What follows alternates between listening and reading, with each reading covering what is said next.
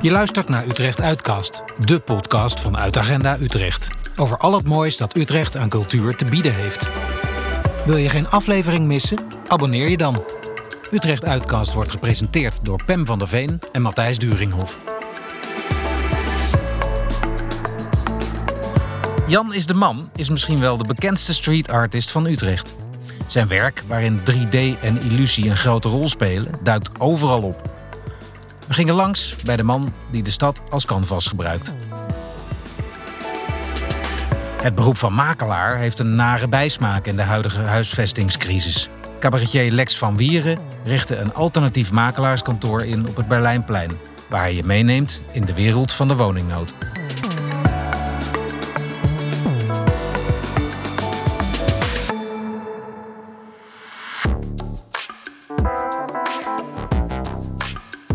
Waarschijnlijk vooral van zijn muurschilderingen in de Amsterdamse straatweg, zoals de boekenkast, de gevelcollage en het groente en fruit boven de Albert Heijn. En natuurlijk van de mandarijnen met oogjes die overal in de stad opduiken. De maker is street artist Janis de Man en wij gingen bij hem langs. Jan, kan je eerst eens vertellen waar ben je nu mee bezig? Wat is het project waar je op dit moment mee bezig bent? Ehm, op dit moment, ik heb gisteren eindelijk van de welstand een goedkeuring gekregen voor een heel vet project dat ik bij de Spinoza plantsoen kan doen. Wat voor project? Ja, het is een project waar ik een beetje een soort middelvinger tegen het hele kapitalisme wil maken. Ah, altijd goed. Ja, ja. En dat heb ik wil al heel lang, heel vaak een soort van in een plaatje te vatten statements maken of zo. Maar ik weet niet, het lukt me niet zo vaak. maar nu. ehm, nu heb ik iets waar ik echt achter sta, waarvan ik denk, dat vind ik echt vet. Weet de welstandscommissie dat ook? Dat dat is wat je gaat doen? Nou, het is, misschien is middelvinger naar het kapitaal wel in één keer heel lomp gezegd, maar het is gewoon, ik word gek van alle mensen die alleen maar spulletjes kopen en bezig zijn met spulletjes, met meer spulletjes en dat, dat daardoor al die schepen alles maar vervuilen, dat het zo heel extreem aan het worden is. En dat irriteert me en, en dat, eh, ik, ja. Dus ik wil dat in een plaatje vatten. Kan je je nog herinneren ehm, wanneer je voor het eerst op muren begon te schilderen? Ehm, ja, ik begon als, als kleine jongen van 11, 12 gewoon eh, rebels overal op te schrijven. En toen zag ik hier en daar ook wel echt al graffiti, graffiti. Zag ik piesjes in de stad en dacht ik, wow, hoe dan? En toen ben ik dat gewoon, ja, heb ik dat nooit meer losgelaten. Je bent gewoon met je spuitbus erop uitgetrokken. Ja, zeker. ja. Toen het nog illegaal was. Ja, je kan het nog steeds heel goed illegaal doen. Uh, Als je het gewoon doet waar het niet mag, dan is het illegaal. Dus je hebt. Kijk, je hebt het grote verschil tussen eh, graffiti en street art. Is dat street art maken mensen. eh, zodat andere mensen veel een grote doelgroep dat kan begrijpen. Dus er zit vaak een boodschap in. Of in ieder geval heeft dat vaak een O en A-factor. Dat mensen het zien zo. Ah. En graffiti is vaak gewoon ruig, rauw, underground. En het gaat gewoon over je naam pushen. Gewoon dat heel. eh, ja, je naam bekend maken en avonturen meemaken. Maar jij bent begonnen als, eh, nou ja, met, met het tag zetten en zo, stel ik me zo voor. En nu, maar je hebt je ontwikkeld tot echt een gerenommeerde street artist, zal ik maar zeggen. Wat, hoe, hoe is dat gegaan? Hoe is die ontwikkeling gegaan? Nee, dat, be- dat begon bij mij allemaal als gewoon rebellie en gewoon graffiti. En dat graffiti hou ik nog steeds van. Maar dat, dat ehm, op een gegeven moment wil je wel beter worden in dingen. Of je, gaat jezelf ontwikkelen en je krijgt wat kansen om je te ontwikkelen. Ehm, en dan op een gegeven moment dan merk je dat, dat je het ergens misschien ook nog wel zou kunnen. Of als je echt je best doet dat je het kan. Of, of sommige dingen lukken gewoon plotseling. En dan, dan geeft dat natuurlijk een heel lekker gevoel. Als je denkt dat je iets aan het doen bent wat gewoon, ja, wat gewoon ja, vet is. Maar je had misschien niet toen kunnen denken dat je er ooit nog je geld mee zou gaan verdienen. Nee, dat, dat was nooit mijn eh, ambitie. En nu eh, ben ik daar hartstikke trots op. En, en ja, nu is dit gewoon mijn baan en onderhoud ik mijn gezin mee. En, eh, en mag ik heel vaak hele toffe dingen doen. En is het dan, ehm, hoe, hoe voelt het dan om, ja, je bent dan uit de illegaliteit eigenlijk gekomen. Hè? Hoe, hoe sta je daar nu tegenover? Ehm, ja. Het, het leven ehm, brengt je gewoon. ehm, ik, ik weet niet, dat zijn niet allemaal per se bewuste keuzes. En ik zeg ook niet dat ik altijd nu helemaal braaf ben. Ehm, dus Ja, dat, dat gaat gewoon een beetje met het leven mee. Dus dan, dan ging dat van veel illegaal naar eh, eh, weinig illegaal en steeds meer legaal. Dus ja, en ik krijg er heel veel, heel veel kansen om het te ontwikkelen. En als je. Kijk, graffiti begint omdat je dingen wil meemaken en je wil. Je hebt ook een soort bewijsdrang. Of je wil laten zien dat je leeft of je wil dingen creëren.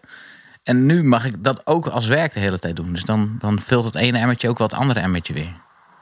Ja, je mist niet de, de, het clandestine wat er ooit omheen hing. Het wat? het, het verbodene. Uh, ja, tuurlijk is er nog een grote aantrekkingskracht. Uh, ja, het blijft leuk. Dingen die niet mogen zijn ergens heel interessant. Maar ik, moet, ik heb gewoon veel verantwoordelijkheden en die moet ik wel uh, netjes houden. Hoe zou jij je eigen stijl omschrijven? Je werkt veel met 3D en illusie. Ja, daar zit ik ook wel eens over na te denken. Want ik zie soms gasten en die maken echt continu dezelfde, ik veel, gebruiken. Of dezelfde kleuren gebruiken, dezelfde cartoons gebruiken. En bij mij is het de hele tijd van links naar rechts. En ik weet van mezelf ook niet zo goed vaak wat ik kan verwachten. Dus ik denk daar wel eens over na. Van wat is nou wat, wat ik doe. Maar het is denk ik, er zit vaak humor in. Er zit vaak iets 3D'igs in of in, iets van een illusie. Um, en hetgene waar ik echt heel erg op focus en me aan het, aan het ontpoppen ben, is dat ik kijk naar ruimtes en naar wat kan ik toevoegen of wat past daar. Wat is logisch dat daar is, maar is er nog niet. Dus dan, uh, nu zijn we bijvoorbeeld met Almere in gesprek en ben ik door Almere gaan rijden en ben ik gaan kijken, wat is hier nog niet wat, het, wat er wel past. Dus als je het dan maakt, dat mensen denken, oh, het raar dat het eigenlijk nog niet was. Of wat past het goed? Of dat het gewoon organisch ergens weg vindt. Kan je daar een voorbeeld van geven? Uh, ja, een hele vette. Ik, heb, uh, ik mocht voor Powwow Rotterdam. Dat is een vet uh, festival. Ehm, die hadden mij een foto gestuurd van een liftschacht. Van vijf verdiepingen of zo. En die zeiden, vind je het vet om naar Powwow te komen om iets te verven? En wat zou je dan doen?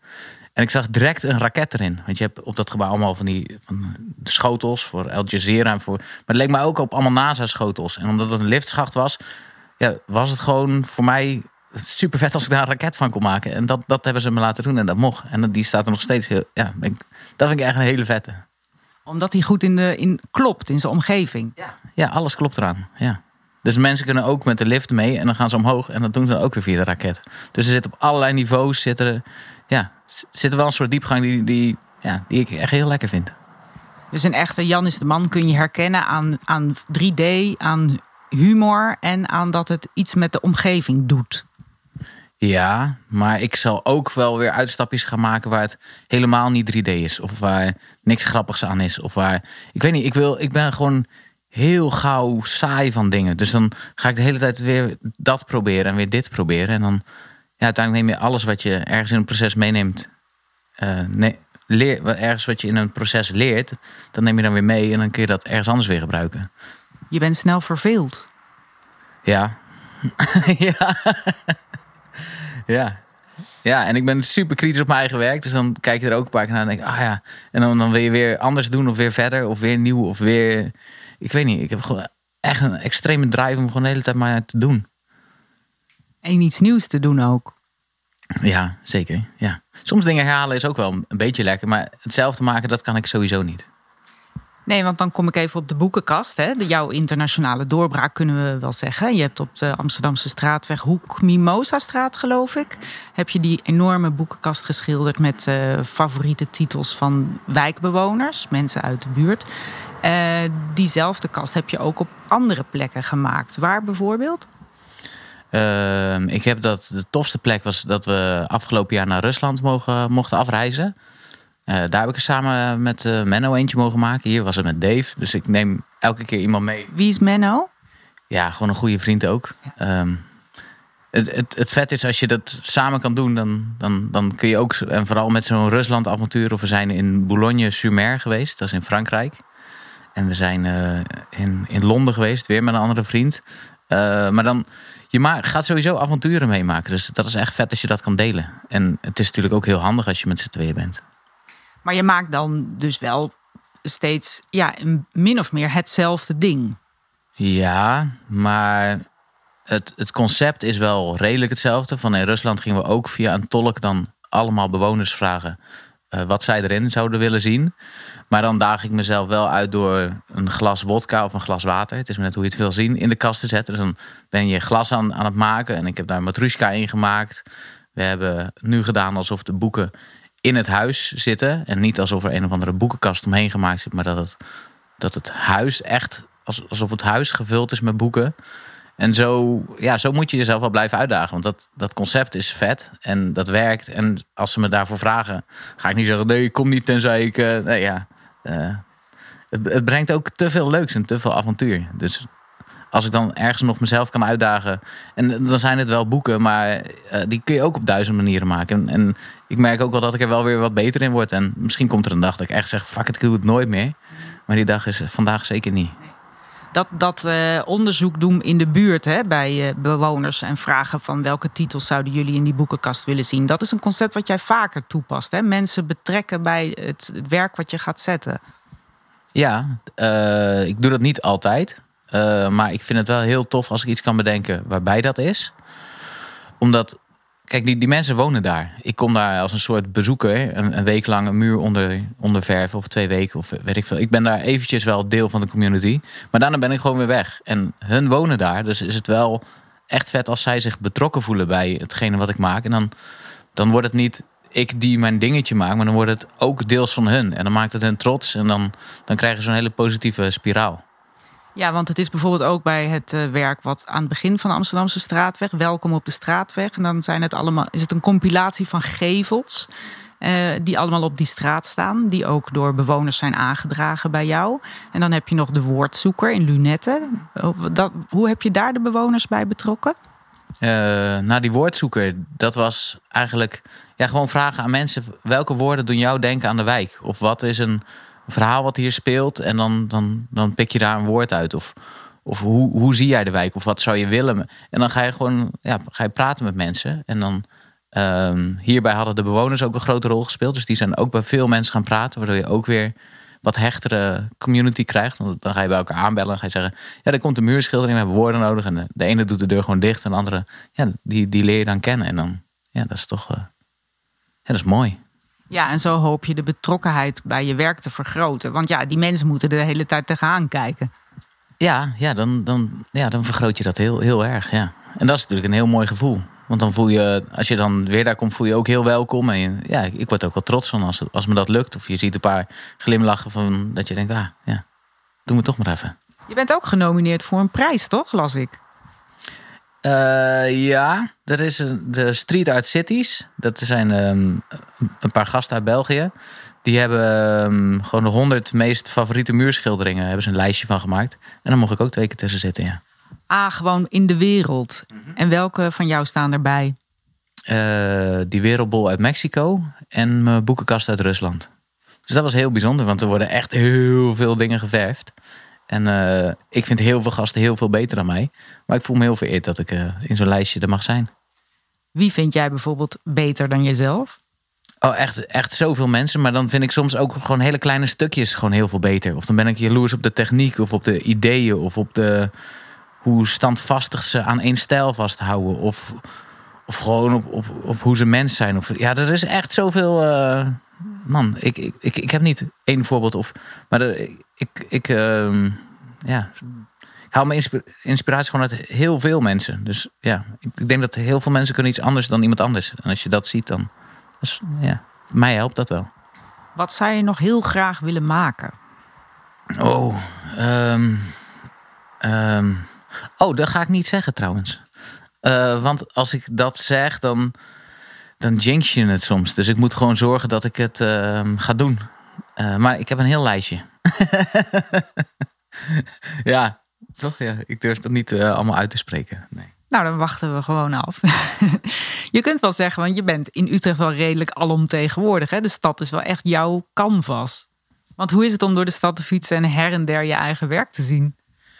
Ja, dat is iets wat. Uh, nu ben ik er een soort van aan gewend. Want je doet dat. En dat zijn natuurlijk lange processen. En voordat je er eindelijk zo'n muur dan helemaal mag doen. Dan, dan ben je daar lang naartoe aan het leven en aan het werken en aan, aan het klooien. En op een gegeven moment maak je dat. En dan, dan, voelt het zo heel vet. En dan een paar maanden later. Dan, dan is het gewoon deel van de stad. Dan is het gewoon een onderdeel van. Dus voor mij is het ja, heel bijzonder. maar ook uh, ben ik wel een beetje aan gewend. Totdat ik weer iets nieuws maken. En denk, wow, en dan, dan, dan gebeurt er weer wat. Ja. Vind je het lastig als mensen je werk niet tof vinden? Um, ja, ik ben me wel heel bewust dat je sowieso niet iedereen uh, kan pleasen. Dus um, uh, het voelt natuurlijk heel goed als mensen het allemaal wel vet vinden. Um, ik krijg ook wel beter door wanneer dat is. Maar ergens wil ik me ook soms daar weer van vrijbreken door misschien helemaal te maken waar je helemaal niet bezig bent met de publieke opinie of zo. Maar aan de andere kant, ook mensen betalen ervoor, dus die mogen dan ook wel wat te zeggen hebben.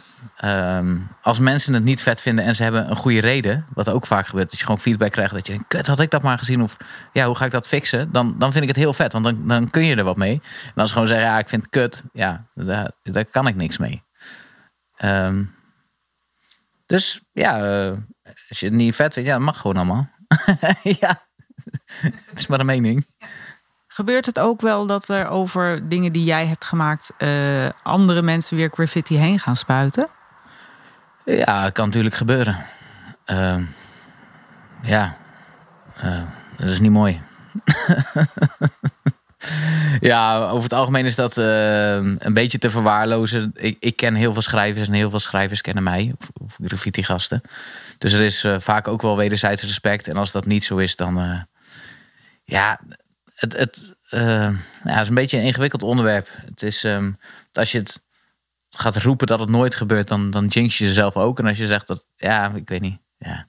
Is het een ongeschreven wet om dat niet te doen als uh, straatkunstenaars onder elkaar? Nou ja, kijk, als, als, als jij een, een, tekening maakt en iemand zet daar een streep doorheen, dat, dat geeft een soort signaal. En je moet maar net bepalen of dat je dat signaal aan diegene wil geven. Um, um, ja, eh, maar ja, je, je wil er iets mee zeggen, dus dan uh, ja. In feite een verkapte oorlogsverklaring. Uh, ja, nou ja, ja, er is dan natuurlijk wel iets aan de hand, ja. ja. maar je hebt uh, in het Griftpark heb je uh, ook treinen ge gemaakt, hè, geverfd. Waarvan het juist wel de bedoeling was, of niet in ieder geval het mensen vrij stond om er graffiti overheen te zetten. Hoe, hoe zat dat? Ja, dat was ook weer zo. Op de skatebaan, sorry. Dat was op de skatebaan. Ja, dus die skatebaan bij het Griffpark, dat was een beetje net als die raket in Rotterdam. Daar keek ik naar en dacht fuck, dat zou zo vet zijn als ik daar allemaal treinen van maak. Want je hebt ook zo'n opstaand stukje, waar daardoor lijkt het net een koploper. En, en voor mijn gevoel klopte toen alles. En toen was het wel, weet ik, moest ik twee jaar wachten voordat ik het kon doen.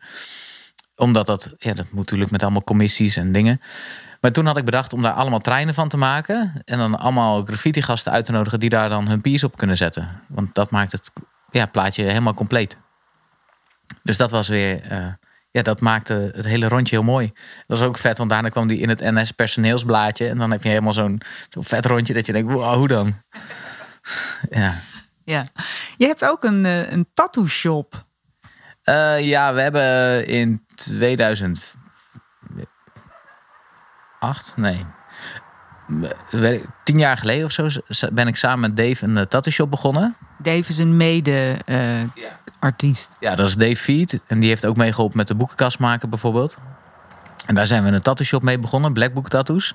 Alleen ik heb sinds twee jaar of tweeënhalf jaar ben ik er helemaal uit. En daarvoor ben ik al gaan afbouwen omdat mijn passie... Ik heb er echt veel geleerd. Ik heb veel lol gehad. Um, en ook veel toffe dingen kunnen maken. Maar ik, ik denk dat ik hier...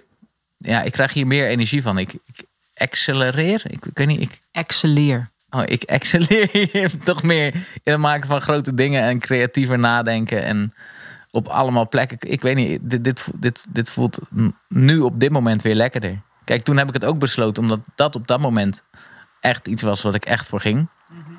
En nu ga ik weer dit pad. En wie weet heb ik over twee jaar wel een pannenkoekenrestaurant of zo. Ik weet niet. Hoe belangrijk is het voor jou om in een opdracht, een betaalde opdracht, de vrije hand te hebben? En hoe, hoe krijg je dat voor elkaar? Ja, dat wordt echt steeds belangrijker. Dus, uh, maar het wordt ook belangrijker omdat ik groei in wat ik doe. Het wordt belangrijker omdat ik steeds beter weet wat, wat het kan doen met een buurt of met een wijk of met gewoon met een muurtje of met een uitzicht of iets. Dus dan weet ik ook, denk ik ook serieus beter te weten wat wel werkt en wat niet werkt. En, en Dus dat is ook wel een positie dat ik nu een beetje kan bewijzen met een aantal dingen die ik heb gemaakt. Dat, het, dat ik soms echt wel gelijk heb als ik zeg van deze shit gaat echt werken of dit is echt vet. En dan geloven mensen dat op een gegeven moment. Omdat ja, ik heb een portfolio, ik, ik weet wat ik doe en ik, ik loop niet te kutten, want het is ook mijn naam die eraan vasthangt. En dan, uh, ja, door kritisch te zijn, dan maak je als het goed is op een gegeven moment ook beter werk. En dan, uh, ja. Dus voor nu, uh, ja. Maar lig je daar wel eens over in de clinch met een opdrachtgever? Dat je dingen moet doen waar je niet achter staat? Ja, man, dat is echt kut. Ja. Dus, uh, maar dan gaat het ook om een beetje omgaan met je verliezen. Dus ik had een hele grote muur ergens wou ik doen. Met veel kleur, was echt vet. De bewoners vonden het vet, de wijk vond het vet. Maar er was toch een commissie die dat niet zo vet vond. Die vond het te kleurrijk. En toen, toen was ik helemaal verbouwereerd. Ik dacht wat te kleurrijk. Dat is toch, de, wereld heeft kleur nodig, man. Maar dat vonden zij toch niet. En toen heb ik even, uh, weet ik veel, ben ik gaan boksen of gaan hardlopen of ben ik mijn energie eruit gaan halen. En uh, toen ben ik ermee omgegaan van, ja, als ik nu eenmaal iets wil maken, het kan niet altijd precies zoals je wil. Gewoon, zo werkt het leven ook. En uh, toen heb ik gezegd, heb even geduld. En over een week reageer ik wel even. En toen ben ik gewoon daarover na gaan denken. En toen dacht ik, ja, hoe kan ik toch het verhaal vertellen? Hoe kan ik mijn eigen uh, artistieke vrijheid nog ergens bewaren? En toch, toch ook weer een beetje pleasen, omdat dat dan voor een betaalde opdracht moet. Dus dan moet je gewoon een soort tussenweg zoeken. En um, ja, Mondeleone, die had het ooit gezegd. Ken je Mondeleone? Ja. Die, die had gezegd: Het leven draait niet om winnen, maar om verliezen. En wie dat het beste kan, die wordt een gelukkig man. En die onthoud ik altijd. Want je gaat sowieso vaker verliezen als winnen. Dus dat voelt dan op dat moment als verliezen. Maar als je dan heel bewust bent van: Ja, doe dat dan heel goed. Dan kun je het misschien weer positief omdraaien.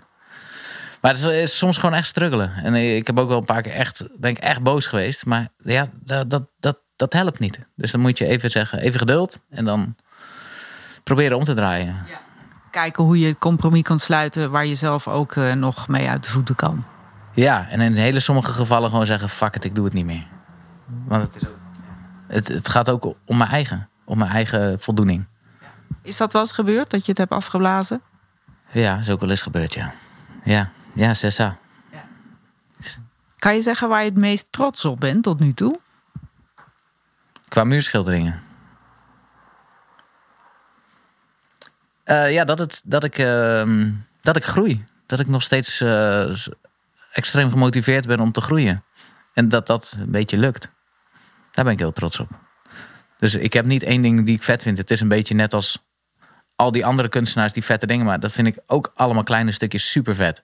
En dan vind ik bij mijn kunst vind ik sommige delen van sommige stukken echt heel vet. En dan, ja.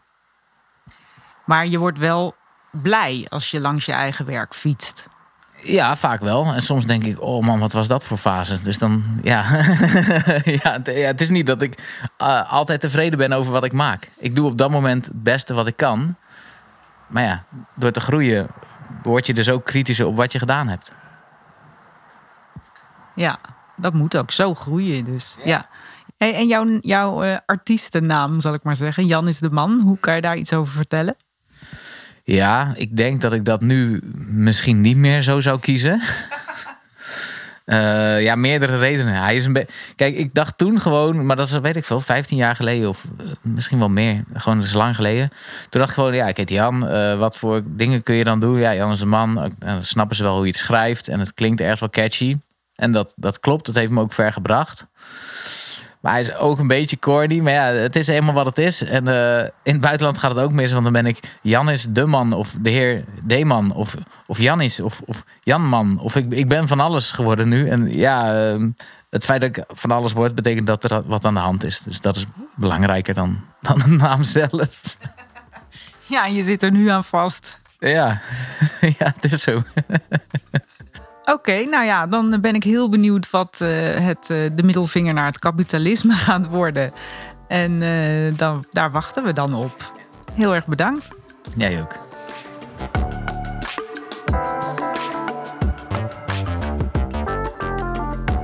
Wil je Jan is de Man volgen? Kijk dan op janisdeman.com en volg hem op Facebook en Instagram.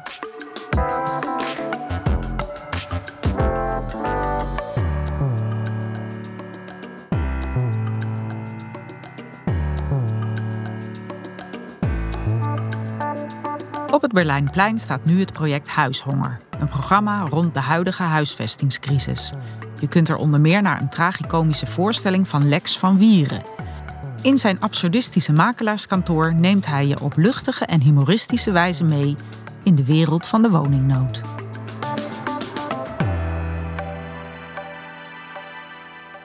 Lex van Wieren, uh, wij zitten hier in jouw makelaarskantoor, want dat is het toch wel echt.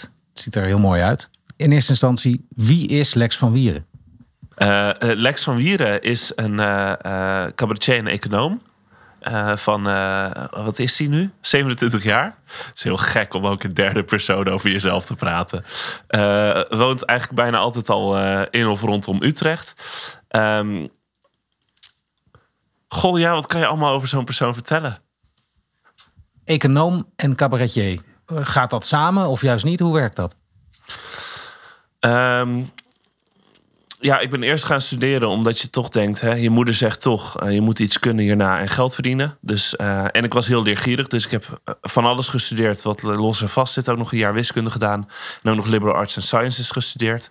En volgens mij neem je, kan dat prima samengaan met alles wat je wil maken, omdat je al die kennis meeneemt naar een podium als, als een soort wetenschappelijke achtergrond om vervolgens je eigen verhaal daarin te gaan vertellen. Ja, natuurlijk. Maar, en specifiek nog economie en grappen maken? Heeft dat nog een meerwaarde? Nou, of zijn dat vaak dan jouw onderwerpen? Of hoe, hoe, Nee, dat zijn niet per se mijn onderwerpen. Ik denk dat ik economie ook ben gaan studeren om te kijken hoe richten we alles met elkaar in. Hoe, uh, economie gaat natuurlijk heel erg over hoe, hoe verdeel je alle goederen die er zijn tussen de mensen die er zijn. Dus wat dat betreft is het een heel, uh, heel politieke studie, zou het kunnen zijn. En ook een heel filosofische studie zou het kunnen zijn. Hoe verdeel je alles zo eerlijk mogelijk of, of niet op basis van welke normen?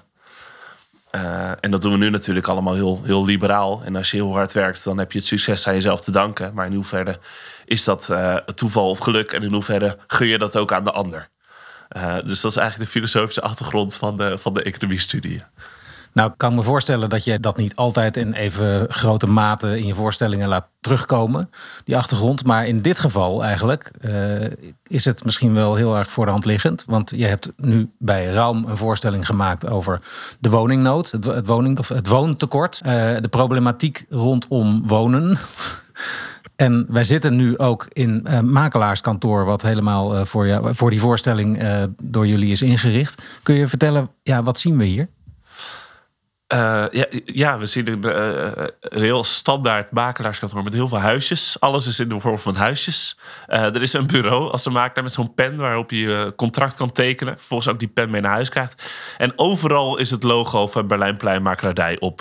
Ja, echt tot vervelens toe. Op, ja. de, op, op de ramen, op de mokken, op overal zit dat logo opgeplakt.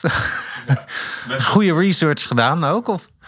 Uh, ja, ik heb het samen met een vormgever gedaan. En de vormgever is gewoon langs allemaal makelaarskantoren gegaan. Overal foto's van gemaakt. En heeft dat eigenlijk allemaal samengevoegd in, in, ons, uh, in ons beeld. Beeldmerk, ja. Nou, is het, een, uh, is het echt zo'n ja, zo'n kantoortje? Een hele gekke setting eigenlijk voor een voorstelling. Um, er kunnen tien man in. Hè? En jij speelt dit, de voorstelling hier dan een paar keer per dag. het is een cabaretvoorstelling. Is er iets te lachen om de wooncrisis? Ja, volgens mij is de wooncrisis uh, heel uh, vrij tragisch voor, voor veel mensen. Sommige mensen hebben er misschien geen last van, maar hoe tragischer, hoe harder we er natuurlijk om, om kunnen lachen. en mensen komen hier ook wel eens aan en het duurt dan best een tijdje voordat ze doorhebben dat dit een ludiek makelaarskantoor is. dus ze moeten ook op een gegeven moment doorhebben dat het waar de humor zit. Dus zo echt komt het wel over. Ja, ik had, ik had laatst drie mannen. En de ene man die nam de twee andere mannen, ze waren een jaar of zeventig, nam ze mee als verrassing. Uh, een dagje weg. Meestal gingen ze naar jazz. Nou, dat soort eloquente mannen waren het. En uh, eentje wist waar hij naartoe ging. En ze kwamen net iets te laat binnen. En die andere twee die hadden geen idee waar ze binnenstapten. Dus die wilden eigenlijk ook niet gaan zitten. Dus ik ja, komt u maar hier vooraan zitten. Nou, en het duurde 15 minuten voordat zij door hebben. Ah, dit is geen normale bezichtiging. Oh, mooi. Dus ja, zo goed werkt dat wel. Hoe heb jij je ingeleefd en, en, en, voorbereid op, ja, op deze rol eigenlijk? Ik heb uh, vrij veel uh, gelezen om het onderwerp echt uh, ja, te verdiepen, zeg maar. Wat is nou eigenlijk het probleem? Kan je zeggen dat er een woontekort is? Is het een crisis? Is het een tekort van huizen? Is het de grondprijs die omhoog gegaan is? Nou goed, dan helpt die hele achtergrond van economie natuurlijk vrij goed mee om te duiden waar het probleem precies zit. En dan kom je eigenlijk al vrij snel erachter dat het niet zozeer een, een, een, woonprobleem of een bouwprobleem is. Of het aantal huizen. Het is natuurlijk gewoon een heel politiek uh, uh, probleem zou ik het niet willen zeggen, maar het is een politieke keuze in ieder geval. Dus eigenlijk is het gewoon een democratisch gesprek. Veel meer dan dat, het, dat we te weinig bouwmateriaal hebben of iets dergelijks. En daar kan je natuurlijk heel erg jezelf inbrengen. Wat vind ik daarvan? Waar raakt het mij? Waar doet het mij pijn? Ik huur natuurlijk zelf ook nog steeds nu geen koophuis. Wat dat betreft ben ik dus een outsider van de woningmarkt. Hè? Nog geen insider van de woningmarkt. Dus dat is, ik betaal altijd meer huur dan mensen met een koophuis aan hypotheek uh, betalen. Um, en ik ben natuurlijk ook langs wat makelaarskantoren geweest en uh, gekeken hoe die dat precies doen. Ja, wat, uh, wat zag je?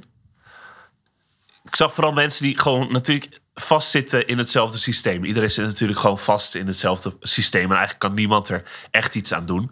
En daarom is het ook heerlijk om hier uh, ook echt die makelaar te spelen die geen enkel moreel kompas heeft.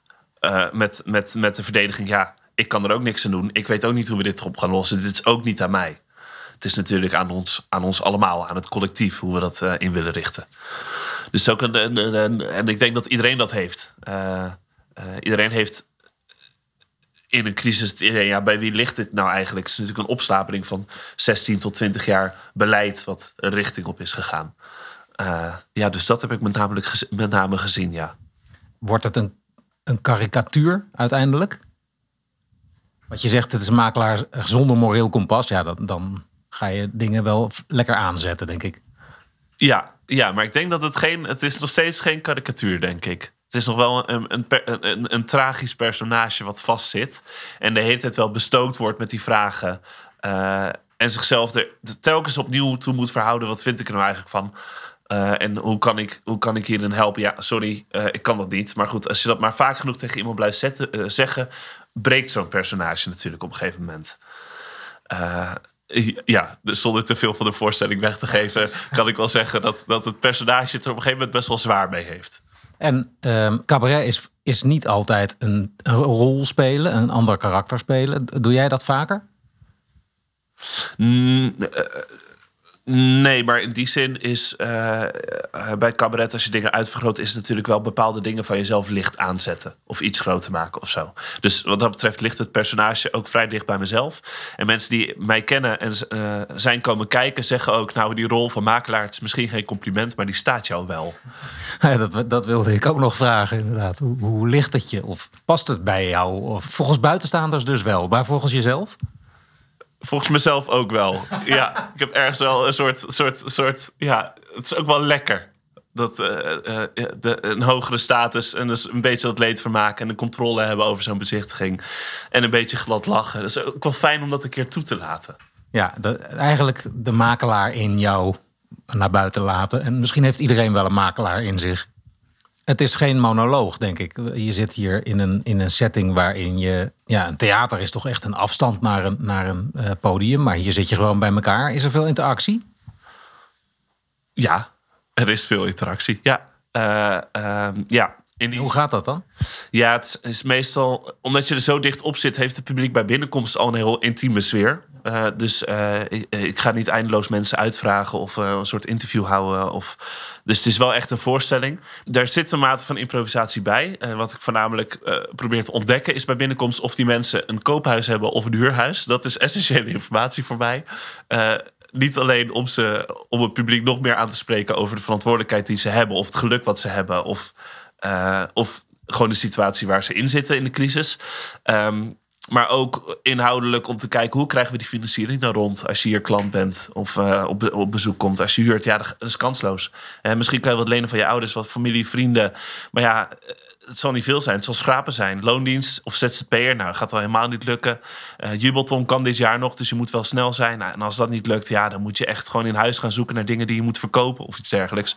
Om die hypotheek maar rond te krijgen natuurlijk. En als iemand een koophuis heeft, hè, zogenaamde insider van de woningmarkt, dan krijg je zo'n hypotheek eigenlijk heel vrij makkelijk wel rond. Ja.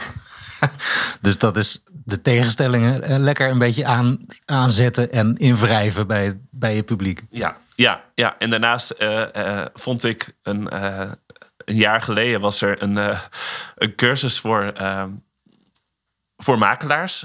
Was een, een NOS nieuwsbericht. Wa- was een cursus voor makelaars. En dat was een cursus ethisch handelen. En dat vond ik toch zo ironisch. Dat je leert wat goed verkopen is. of wat slecht verkopen is. dat ik dat ook wel gebruik. Dus ik ga met het publiek een aantal ethische stellingen af. Om hun morele kompas te toetsen. En daarmee ook dat van mij. Overweeg je om hierna eh, zelf makelaar te worden, nu je dit allemaal weet? Nee, zeker niet. Nee, nee, nee. Makelaarsberoep aan zich, wat is dat nou? Je verkoopt huizen aan mensen die je niet kent. Hè, voor eh, wensen die je ook niet kent. Want die wensen zijn van die mensen. Voor een plek waar jij niet gaat wonen. En dan moet allemaal wel zo voordelig mogelijk voor jou. Dus zo duur mogelijk voor die mensen. Ja, op basis van dat allemaal denk ik toch dat het makelaarsberoep over 15 jaar toch niet meer bestaat. Je hebt, ook, je hebt dus wel bij makelaars meegelopen. Je hebt een soort van stage gelopen, zei je, bij makelaars. Vallen jou dan ook typische dingen op waarvan je denkt, jezus, dit meen je niet. En eh, die je dan ook gaat gebruiken, die je, die je kunt gebruiken in je spel?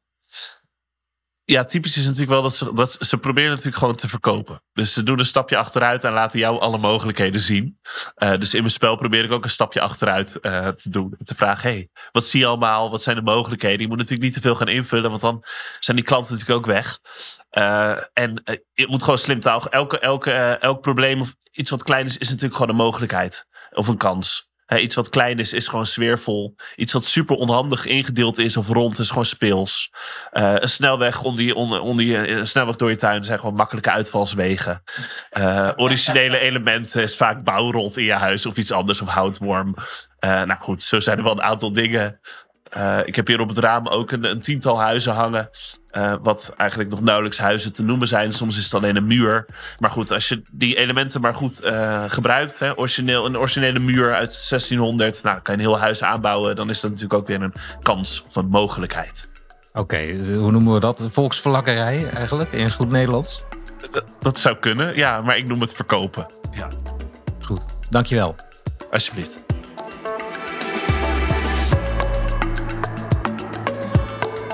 Het project Huishonger van Stadslab Raum staat tot en met 29 mei op het Berlijnplein. Met workshops, performances en beeldende kunst wordt het thema woningnood onder de loep genomen. De voorstelling van Lex is te zien op 14, 21 en 28 mei. Zie ook raumutrecht.nl.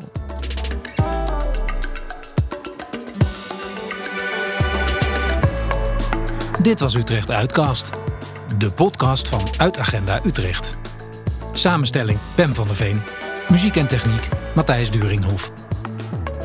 Voor meer cultuurnieuws kijk op uitagendautrecht.nl. Heb je een vraag of reactie? Mail naar redactie.uitagendautrecht.nl. Volg ons op Facebook en Instagram en geef ons sterren of een recensie in je favoriete podcast-app. Bedankt voor het luisteren. Tot over twee weken.